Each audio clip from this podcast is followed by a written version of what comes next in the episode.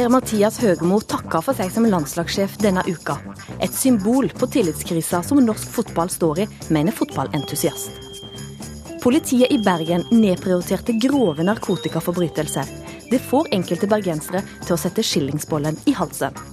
Jeg syns det er rystende, og det ser ut som liksom at det kanskje fordi at bakmenn har visst at de bare kunne komme her. Og å spille i korps, er det ukult, eller bygger det landet vårt? Vi har utfordra en politiker til å spille på direkten her i studio. Velkommen skal du være til ukeslutt. Jeg heter Ann Kristin Listøl, og i denne sendinga skal du òg få treffe denne karen. I can do almost everything. In the future, I will be able to help doctors when they are performing a surgery. Er det bra, eller er det dårlig om robotene skal hjelpe leger som faktisk opererer oss? Men aller først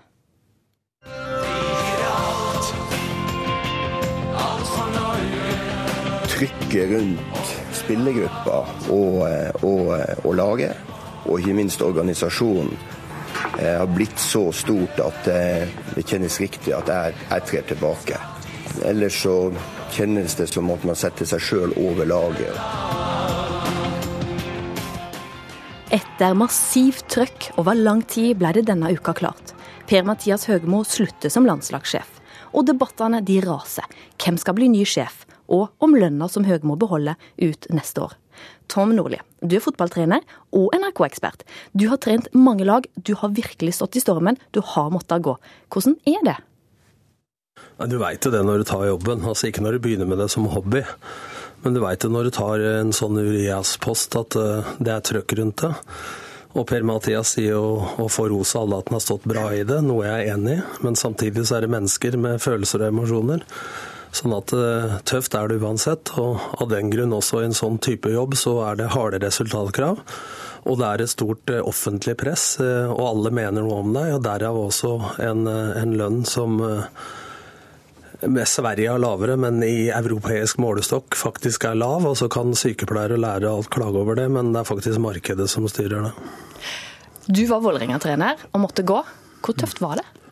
Nei, Den gangen var det steintøft. altså Fra å ha en jobb hvor alle anser som status og posisjon, og 170 telefoner i uka om alt mulig rart, og folk tar ut laget for deg, til det å Miste jobben er én ting, det kan alle gjøre, men tap av verdighet, men ikke minst ikke ha at noen har brukt for det du kan.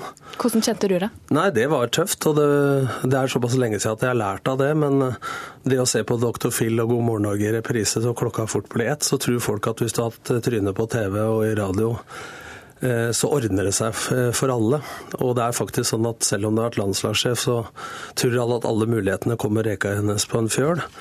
Og man planlegger en inntekt over fire år, og hvis det blir slutt ett år før tida, så regner jeg med at dette er regulert i en kontrakt hva som skal skje, uansett hvilken part som sier opp. og Da er det helt naturlig at man forholder seg til det. Og så kan andre Twitter-hold alle henge seg på om det heter etterlønn eller sluttpakke eller hva som helst. Ja, og Det har vært mye diskusjon om hva, hva skal man kalle den etterlønna. Men den er nå iallfall på drøye fire millioner kroner. Og Mimir Kristiansson, fotballentusiast og, og nyhetssjef i Klassekampen. Det er jo kanskje verdens mest utakknemlige jobb å være landslagstrener for det norske herrelandslaget. Fortjener man kanskje å ha et sikkerhetsnett?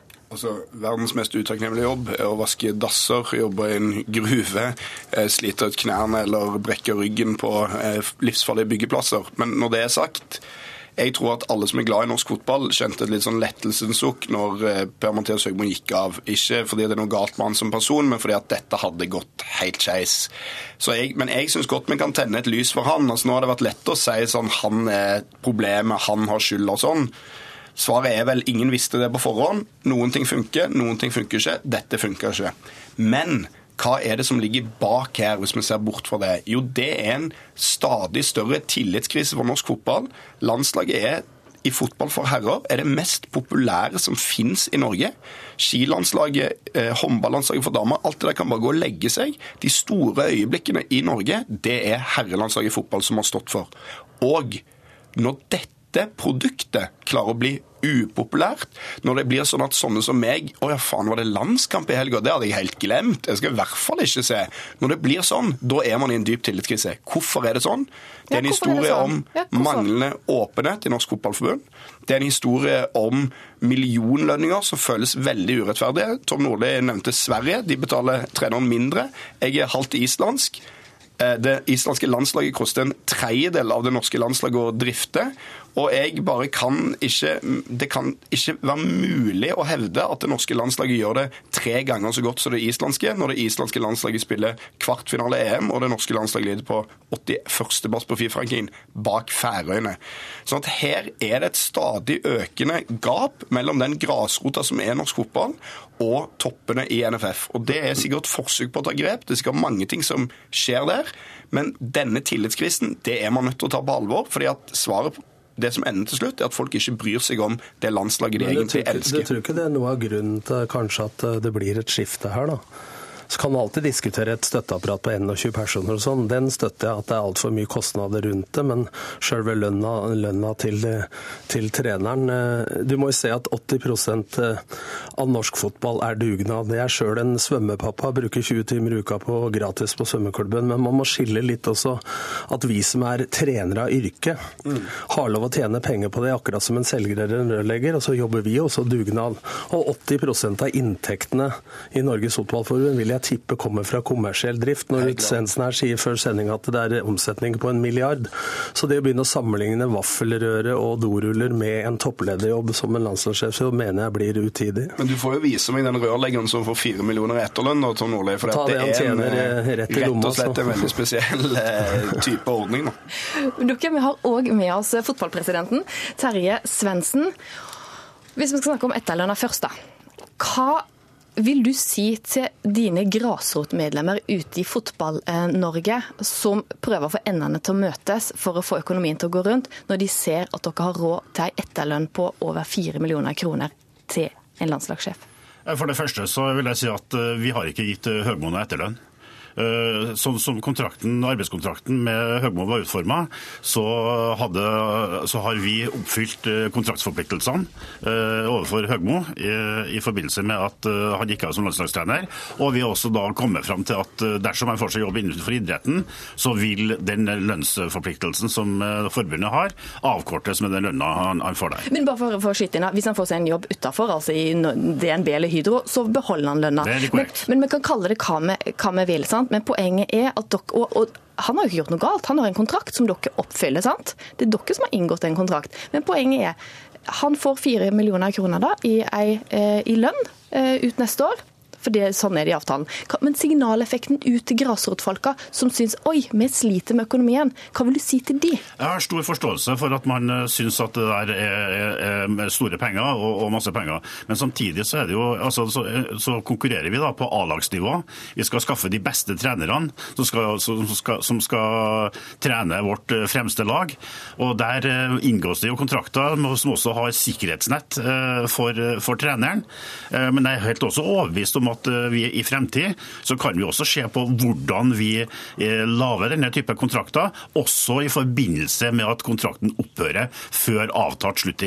For, for, sant, for det var jo nettopp inne på det. Dere skal finne en ny landslagssjef nå, og man skal være konkurransedyktig. Vil de si at du faktisk må ha en sånn type lønning for å få noen som er gode nok? Det er interessant å se, altså Nå skal ikke jeg kommentere hvilket lønnsnivå den nye A-herretreneren ligger på. Jo, men det er midt inne i symbolikken her, sant? Hva budsjetterer dere med? Vi har ikke lagt noe budsjett på det, for at det avhenger av hvilke kandidater og hvor vi legger oss hen i forhold til å søke. Men det, Har dere et øvre tak?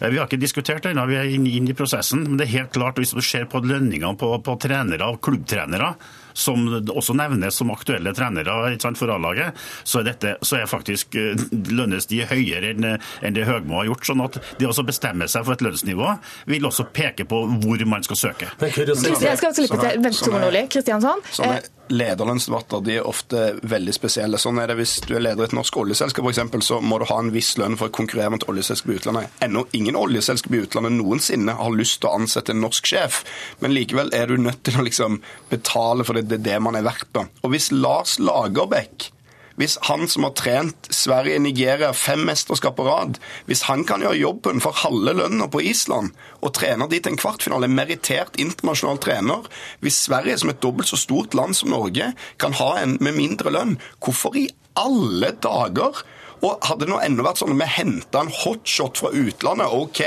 José Mourinho, liksom, et eller annet, ja vel, da tror jeg mange i Norge kunne vært med på å bla opp.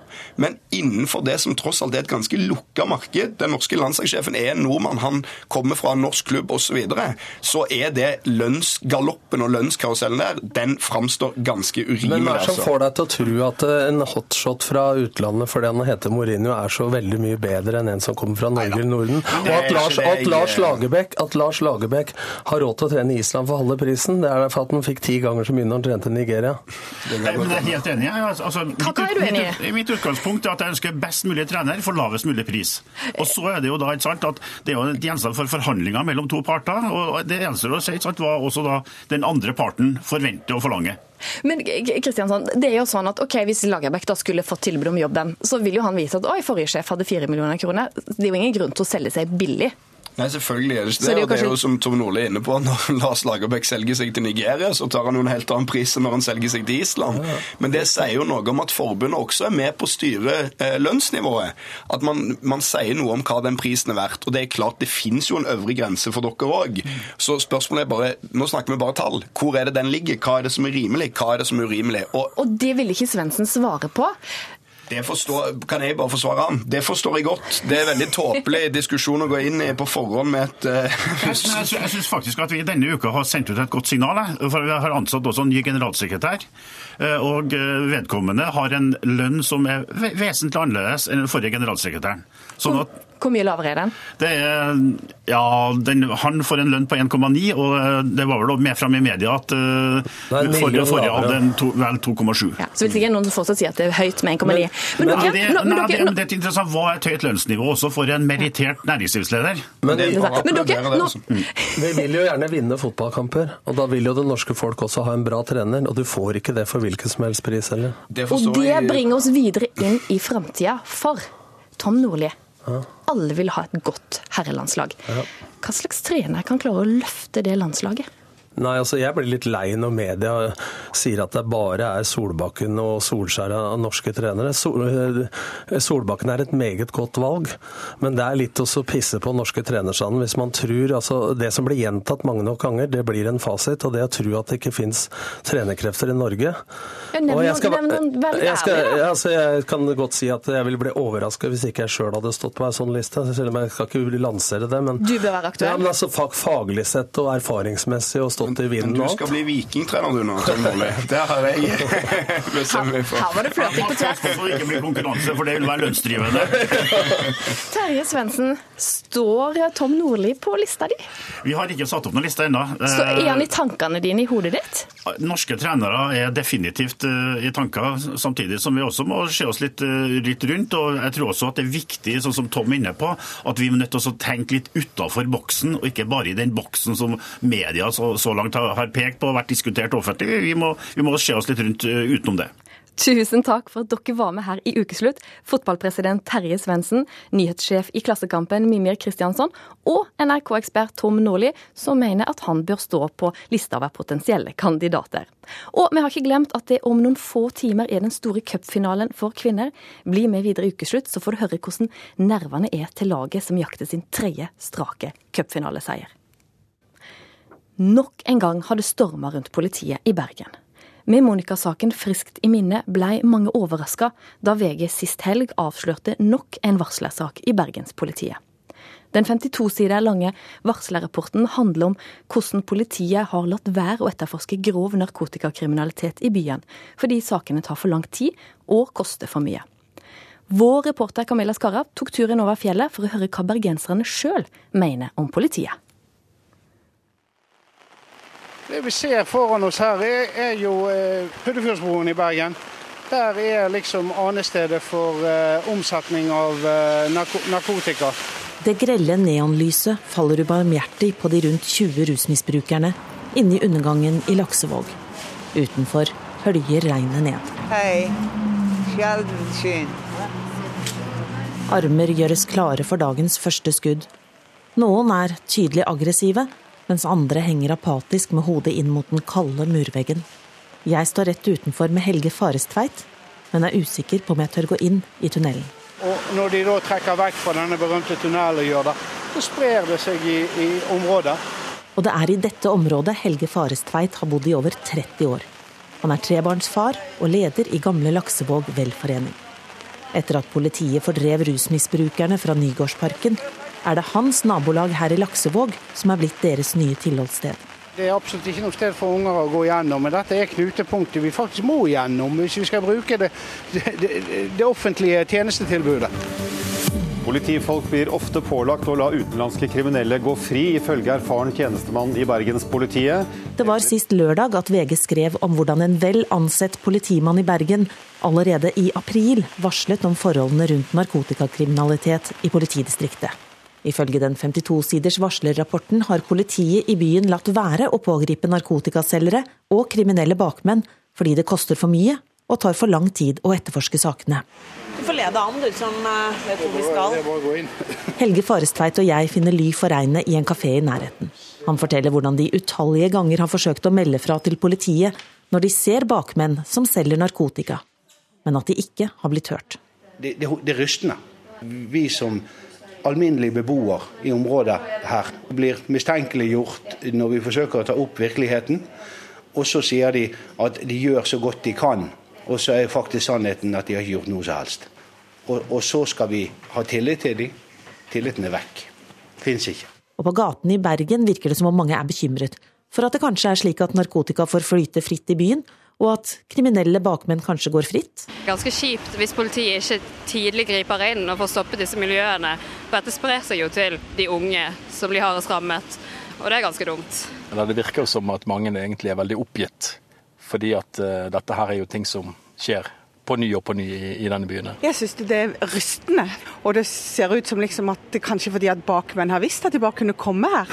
For det er da du sleper inn disse stakkars rusmisbrukerne, sant? Men, men la bakmennene gå det ille.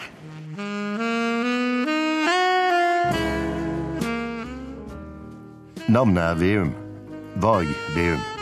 Jeg står utenfor kontoret til byens kjendisdetektiv i Strandkaien 2. Det er jo kontordøren til Varg Veum til og med. Vi kan høre om han er inne. Nei, det var han ikke. Ute av spanen? Ja, han er nok det.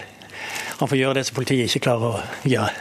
Gunnar Staalesen, forfatteren bak bøkene om Varg Veum, ser utover Bryggen i Bergen. Jeg spør ham hva Varg Veum ville sagt om kritikken mot bergenspolitiet. Varg Veum har jo en sarkastisk replikk til det meste som har både med politiet og andre å gjøre. Politiet i Bergen har aldri vært hans beste venner, og som oftest så eh, oppklarer jo han saker som de eh, på en måte har lagt til siden. Så han ville nok kanskje sagt 'hva sa jeg', som mange bergensere ofte sier. Staalesen sier at varslersaken engasjerer. Selv mener han at politiet kunne tatt flere bakmenn dersom de var tettere på der salget skjedde. Det mange av oss faktisk etterlyser og savner, er jo de patruljerende konstablene som rett og slett spaserer gjennom eh, gatene. Og eh, Tar du miljøet ute på Laksevåg rundt Strakshuset, hadde man vært en, eh, et par eh, lokale konstabler der, så ville de kjent mange av disse brukerne. De ville hatt mer kontroll med miljøet. Det ville vært tryggere også for både barn og voksne å gå igjennom denne aktuelle undergangen der ute, som jo er et problem for eh, nærmiljøet. Hvem var det som fant ham? Var denne privatetterforskeren? Varg Veum er jo den som alltid har stått på de svakes side mot de sterke. Og det er ingen tvil om at i denne saken her så vil jo han eh, synes det er latterlig at man blir bøtelagt for de man går med tre gram hasj i lommen, mens de store fiskene som da tjener penger på denne handelen, de kan bare gå på bussen og eh, dra hjem igjen til Oslo eller hvor de nå måtte komme fra. Ja, hadde ikke hatt noe problem med å Og ressurser nok har de òg til å kunne tatt de store. Rusmisbrukerne jeg snakker med, mener det er de som får lide, mens kriminelle bakmenn går fri. Jeg skal gi deg et eksempel. Jeg ble tatt med 0,45 Det er ikke et halvt gram engang med hasj. 10 000 i bot. Og det politiet gjorde da, de kjørte meg i retten. Hva tror du det koster den norske stat å kjøre meg opp i retten for under et halvt gram med hasj? Jeg tok min ny ustemte Oi sann, skal vi se. Er det så noe ustemt ved politikammeret i Bergen, slik en del bergensere frykter? Jeg spør politimester Kåre Songstad hvorfor de bruker penger på å ta rusmisbrukerne, og ikke bakmennene. Vi tenker også det at vi heller vil bruke ressurser på større narkotikasaker enn de små. Men det er viktig for oss å være aktive også på de små sakene, fordi da, da rører man i miljøer som gir oss mye informasjon. og Det er viktig også at man oppfatter at eh, det å drive med narkotika, selv i, i eh, en liten skala, er ulovlig og straffbart, og det blir tatt av politiet. Politimester Songstad sier at det bl.a. var et etterslep av saker som gjorde at de måtte prioritere bort pågripelse av bakmenn og grov narkotikakriminalitet. Vi i aller høyeste grad eh, tar dette på alvor. Jeg har i mange sammenhenger og i flere kanaler sagt at jeg er glad for, for dette varselet vi her har fått. Han mener òg at kontakten med beboerne i Laksevåg er god. Kåre Songstad, jeg må bare si jeg var i Bergen eh, i går og gikk da ved den undergangen i Laksevåg. Og selv i Oslo tror jeg aldri jeg har vært så redd. Jeg tror vi må eh, bare kunne håpe å levere mer på det området der, for det er ikke bra i dag. Og vi må nok eh, gjøre noe med det ytterligere. Jeg må få lov å si det at Bergen politikammer de ligger med knokkerygg. Tilbake ved undergangen i Laksevåg har flere rusmisbrukere kommet til. Helge forteller at han senest i går så åpentlyst salg like ved der han bor. Men han ringte ikke til politiet. Der og da så følte jeg at nei, jeg orker ikke en runde til med ring og prøve å forklare noen hva som skjer. Kanskje man skulle gjort det for å teste om, ta en sånn syretest på om, om de har, har endret praksis og holdning, men gjorde det dessverre ikke.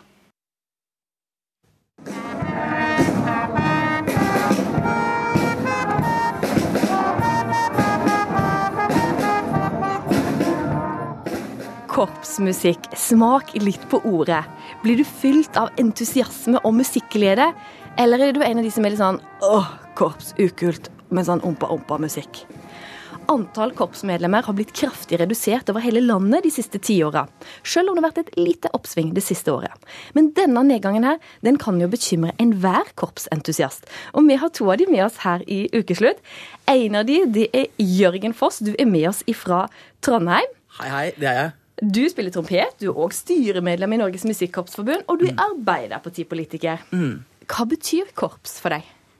Korps, eh, det er jo barndommen min. Eh, det var eh, der jeg satt på tredje rad og spilte trompet i et fellesskap med veldig veldig mange andre. Det var der jeg lærte å, å mestre og kunne gjøre noe sammen og se at det, når vi klarer å, å, å, hver for oss spille noe og klarer å få den fellesskapsfølelsen, den var helt unik.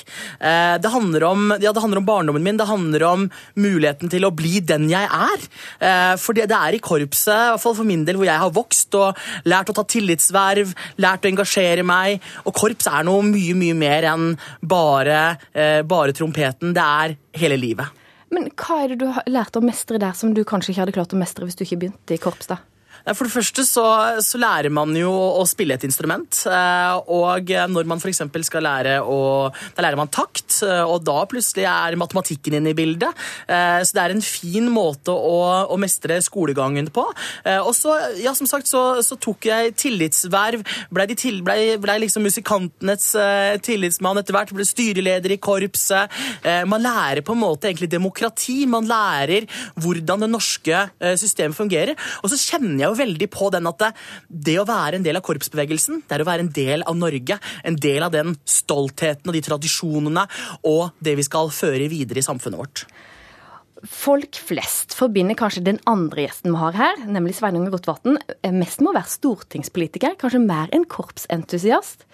Hva er de korpsgreier? du, jeg tror alle som har vokst opp med korps, har en korpsgreie. Eh, for meg så er korps det, det er barndommen min i Nordfjord skolekorps. Det er verneplikta mi i eh, gardemusikken. Det er studietider i forsmarsjør og det, det, har alltid vært en, en, viktig hobby for meg. Eh, det jeg liker særlig godt med korps, sammenlignet med de andre aktivitetene jeg har drevet med, er jo at i korps er det eh, det er, det er veldig brede sosiale lag som er med i korpsbevegelsen, fordi det er, det er billig å være med. Korpset stiller med instrument og, og uniform, alt du trenger å gjøre er å møte opp. og så er det selvfølgelig flott i seg sjøl å lære musikk Og så syns jeg det er kjekt, i hvert fall jeg likte veldig godt det da jeg var ung, å være i en fritidsaktivitet som ikke er inndelt etter kjønn, ikke inndelt etter alder, men der du er sammen med andre fra 10 til 17 år. eh, Og sitter og skaper musikk sammen. Og Det hadde jeg stor glede av da, og det har jeg fortsatt stor glede av. Men dette her med liksom, er korps litt ukult, som man hører. Man hører korpsfolk òg si oi, nei, vi blir stempla som litt ukule. Rotevatn, hvorfor blir man sett på som litt kanskje ukul? Og har du sjøl kjent på det? Ehm, ja, kanskje litt. Uh, det er klart at altså det, er klart det, å, det å marsjere rundt i en, en, en uniform med medaljer på og, og friske farger og uh, gjøre så godt du kan i å uh, komme gjennom gammel jegermarsj uten altfor mange feil. Det er klart at det er ikke nødvendigvis alle som ser på det som verdens kuleste ting å gjøre. Eh, og det en ser i korpsbevegelsen, er jo at en, en rekrutterer godt blant unge, mens mange faller fra etter hvert gjennom ungdomsskolen. Um, men altså, for meg så handla ikke korps om det var kult eller ikke. Altså, jeg syns det var veldig kjekt å være med. Um, og det jeg likte sperlig godt, da, er jo at det er en veldig nyttig hobby å lære seg som en så kan legge vekk i noen år. Men så er det mange som finner tilbake til korps igjen når de blir eldre. Um, fordi de har lært seg å spille, de har lært seg å lese noter, uh, og likte det samholdet og vil finne tilbake til det. Jørgen Foss, kjente du på det å være ukul? Nei, overhodet ikke. Og jeg tror det handler litt om hvem du spør. For hvis du spør de som er i miljøet, så er korps verdens beste fritidsinteresse. Men det handler veldig mye om hvordan vi på en måte snakker om korps, hvordan vi presenterer korps. Altså, når dere f.eks. starter denne sendingen med kanskje litt sånn, hva skal jeg si, litt sur eh, marsjtoner, så er jo ikke det med på å vise faktisk hva den fantastiske korpsbevegelsen er. For den er veldig, veldig mye mer enn bare det vi ser på 17. mai. Ja, men, Altså, men, men Jørgen, ja, for, ja. for å si, den korpsmusikken som vi hørte her nå, da, ja. det er jo mange som har hørt det når man har hørt skolekorps. fordi at man er jo ikke verdensmester fra dag én, så man må jo få anledning til å øve seg og bli Ja, god. det må man absolutt. Også, men, men så er det, og det som er så fint, og som, som Rotevatn sier, er jo at korps er noe altså det er noe du driver med kanskje når du er sju-åtte år, men det er også 80-åringer og 90-åringer som driver med dette. Og jeg må jo si at eh, kvaliteten på norske, på norske korps har blitt bedre og bedre og bedre. og Veldig mange, mange tenker jo på korps, det vi ser på 17. mai, men hver eneste dag så er det noen som tar frem klarinetten sin og spiller. Det er korpskonsert. Og mens- det mens- mens skal snakker- skje nå, Jørgen Ja. Foss. Fordi, eller riktignok ikke klarinetten. Men med, du er på reise, så du har ikke med deg trompeten din. Men vi sa, vi sa til Sveinung Rotevatn du, kom og, kan du ta med deg fløyta di og komme og spille? Og Rotevatn han øvde litt i går kveld, han. Og hva skal du spille? Ja, hva, hva gjør en ikke for Rikskringkastinga? Eh, jo, jeg skal, jeg skal gjerne spille litt. Grann. Um, og da tenkte jeg å ta et lite utdrag fra uh, en korpsklassiker som man kanskje forbinder med en dag som det her. En lørdag der folk er ute og går på ski, og der Norge til og med vinner. Uh, og det er den som heter Holmenkollmarsjen. Vær så god.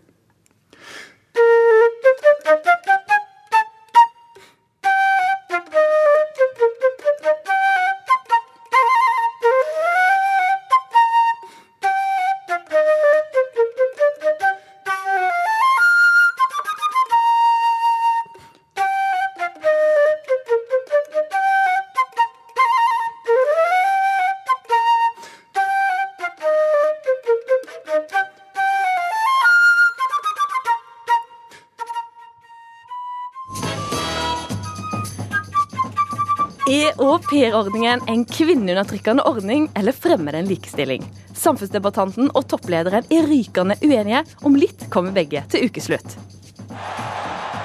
Og kan LSK klare å ta sin tredje cupfinaleseier på rad, eller vil Røa sette en stopper for det? Vi tar tempen på nervene før kampen. Før det så skal vi da si takk til Sveinung Rotevatn og Jørgen Foss, som var så sporty at de faktisk var med oss her i sendinga, og en av de spilte til og med på direkten. I framtida så kan mange av jobbene som vi mennesker gjør i dag, bli utført av roboter. De kan gjøre alt fra å vaske gulv til å hjelpe kirurger på sykehus, i tillegg til at de forstår over 20 språk. Men er det trygt å la en robot ta vare på de eldre? Vi sendte ut reporter Daniel Eriksen for å intervjue roboten Pepper. Hi, Pepper. Hi, human. How are you today? I'm super good, thanks. And you, how goes it? I'm good. So both of us are doing really good.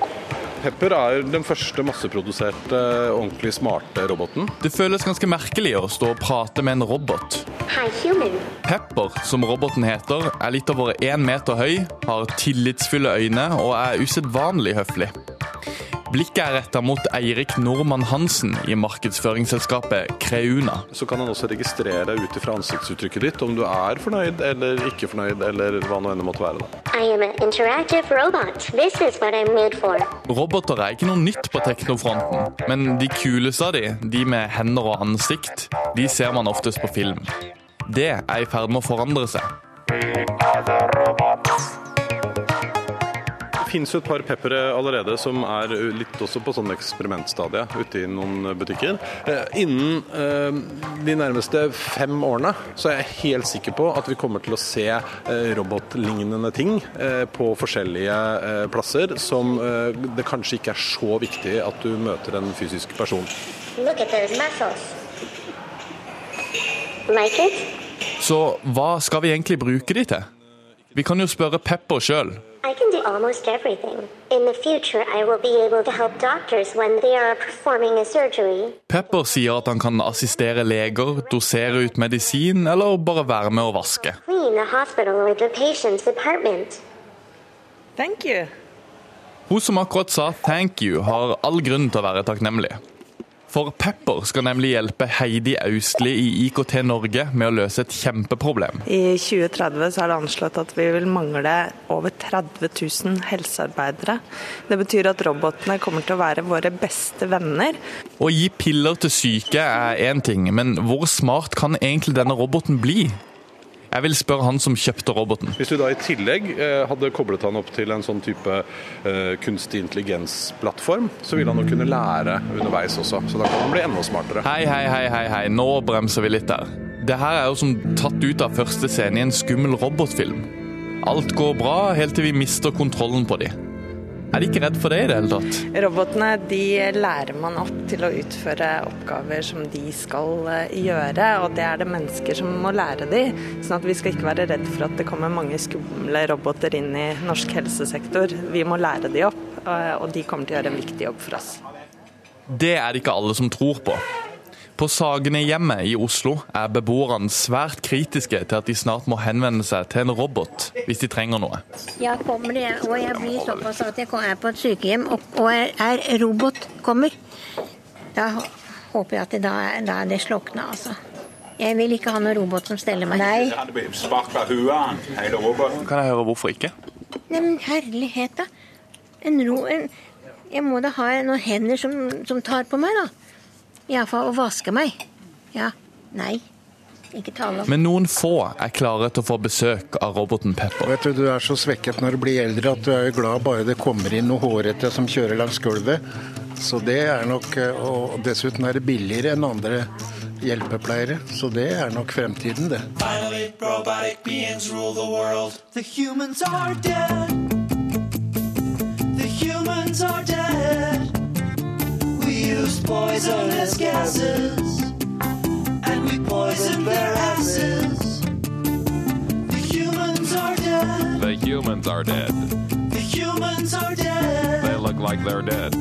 It had to be done. I'll just confirm that they're dead. so that we could have fun. Affirmative. I poked Det var reporter Daniel Eriksen. Aupairordningen den bør bli skrota, med mindre den blir radikalt endra. For sånn som det er i dag, er det grov utnyttelse av jenter fra den tredje verden. Det mener skribent og samfunnsdebattant Kadra Yusuf. Og hun forklarer motstand fra tidligere toppleder som ikke kunne klart seg uten au pair, og som òg sier at dette gir jenter fra mindre utvikla land muligheten til å tjene egne penger. Velkommen hit begge to til ukeslutt.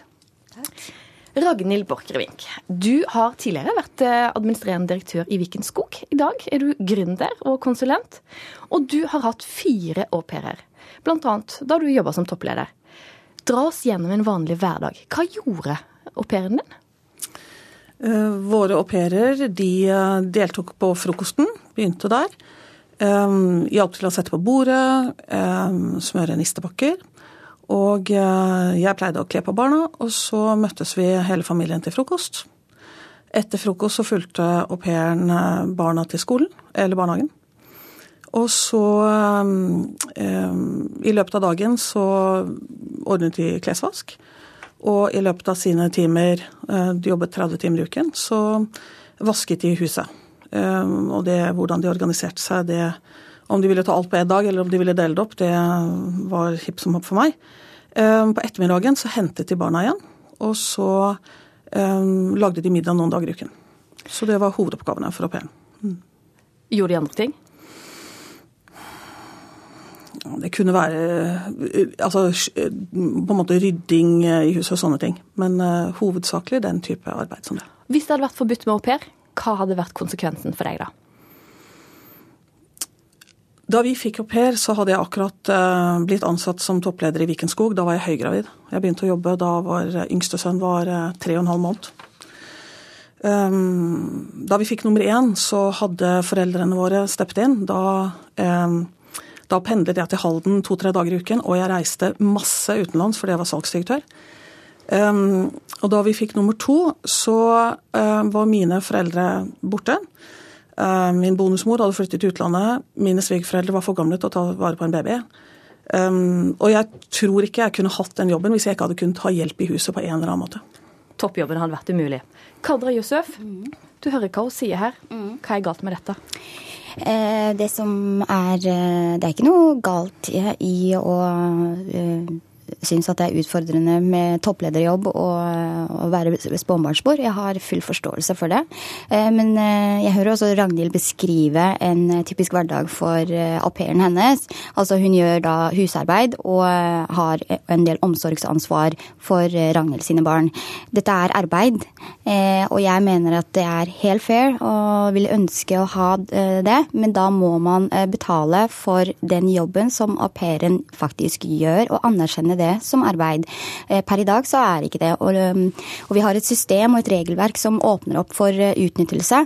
Eh, Tviler ikke på at eh, Ragnhild um, og mange andre vertsfamilier eh, er ålreite mot deres au pairer, men slik systemet er i dag, så åpner det opp for at veldig mange au pairer jobber mye mer enn det de skal. De er, veldig mange eh, sier at de er overarbeida, eh, og at de føler seg som om de er eh, nærmest eh, moderne hushjelper, da, eh, og ikke er en del av familien. Og de skulle ønske eh, at de faktisk fikk ordentlig lønn for den jobben de gjør, og det gjør de ikke i dag. De får noe som heter lommepenger. Sant, for en au pair får type 5500 i måneden. Før skatt. Ja, pluss, eh, pluss månedskort og litt sånne ting. Men du mener at dette er reell arbeidskraft, man bør lønne det deretter. Ja, dette er sånn typisk Det, det har alltid vært det, sånn typisk kvinnearbeid. Eh, omsorg og eh, husvask. Og det eneste måten vi kan eh, ta tak i på det på, er å anerkjenne det som arbeid og, og ha det i ordentlige rammer. Og så er det en annen ting som er veldig viktig, og som jeg lurer på om du faktisk har tenkt over det, at au pairen din eh, er avhengig, eller au pairer er faktisk veldig avhengig av eh, vertsfamilien. Eh, det vil si at eh, de bor på arbeidsplassen sin, og selve oppholdstillatelsen, altså visumet som de har for å være her, den er knyttet opp mot vertsfamilien. Så hvis vertsfamilien er eh, kjipe, så kan de true med at eh, da, eh, da, er, kan vi, da kan du bare dra tilbake. Og vi, Eh, vi kan ta lønna først, da. Eh, Borchgrevink, eh, au pairen gjør reelt husarbeid. Hvorfor ikke bare lønne skikkelig? Um, Au pairene kommer hit um, i prinsipp, eller veldig ofte rett fra uh, utlandet. De aller, aller fleste er utlendinger. Um, de snakker ikke norsk. Uh, de skal snakke med barn. De snakker ikke norsk. De kan uh, ingenting om norske forhold. Um, det er en stor tilpasning fra begge sider, og det er en stor opplæringsjobb for en au pair. Det ville helt, jeg ville hatt helt andre krav. Skulle jeg hatt en eh, jeg, hushjelp, hvis det fantes som yrkesgruppe i dag. Men tar du au pairen da fordi at du vil gi au pairen kulturutveksling, eller fordi at det, det er billig arbeidskraft? For å si det sånn, en ufaglært person i barnehage tjener kanskje 280 000 kroner i året. Og jeg regnet ut at med UDIs retningslinjer så betaler man en au pair, eller dekker kostnader for en au pair, på ca. 130 000 i året. Så det er omtrent eh, hva det koster å ha en au pair. Så da sparer du jo ganske Ja, mye. vi sparer mye. Og jeg, eh, jeg hadde nok ikke hatt råd til å ha en heltidsarbeidende person eh, med det norske lønnsnivået. Men samtidig så må vi også er, Jeg er helt enig med Kadra at arbeidet er eh, at det er arbeid de gjør. Eh, Men de kommer på helt andre forutsetninger, og det er et stort element av kulturutveksling. Svar på det, da, Josef. Eh, Jeg eh, mener at hele den kulturutvekslingsbiten er en slags eh, Det er en, annen, hyggeligere måte å, å si at vi har egentlig en hushjelp på.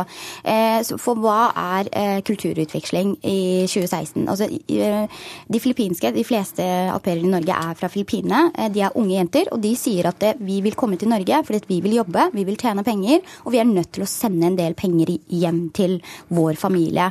Og så er det da et veldig veldig viktig poeng at det er vanskelig å forhandle om lønn, om arbeidstid, når hele din eksistens i det nye landet er avhengig av vertsfamilien. ikke sant? Så det, de fleste eh, vil, da, er å eh, kunne ha noe form for rettigheter, for dette de står utenfor arbeidsmiljøloven i dag.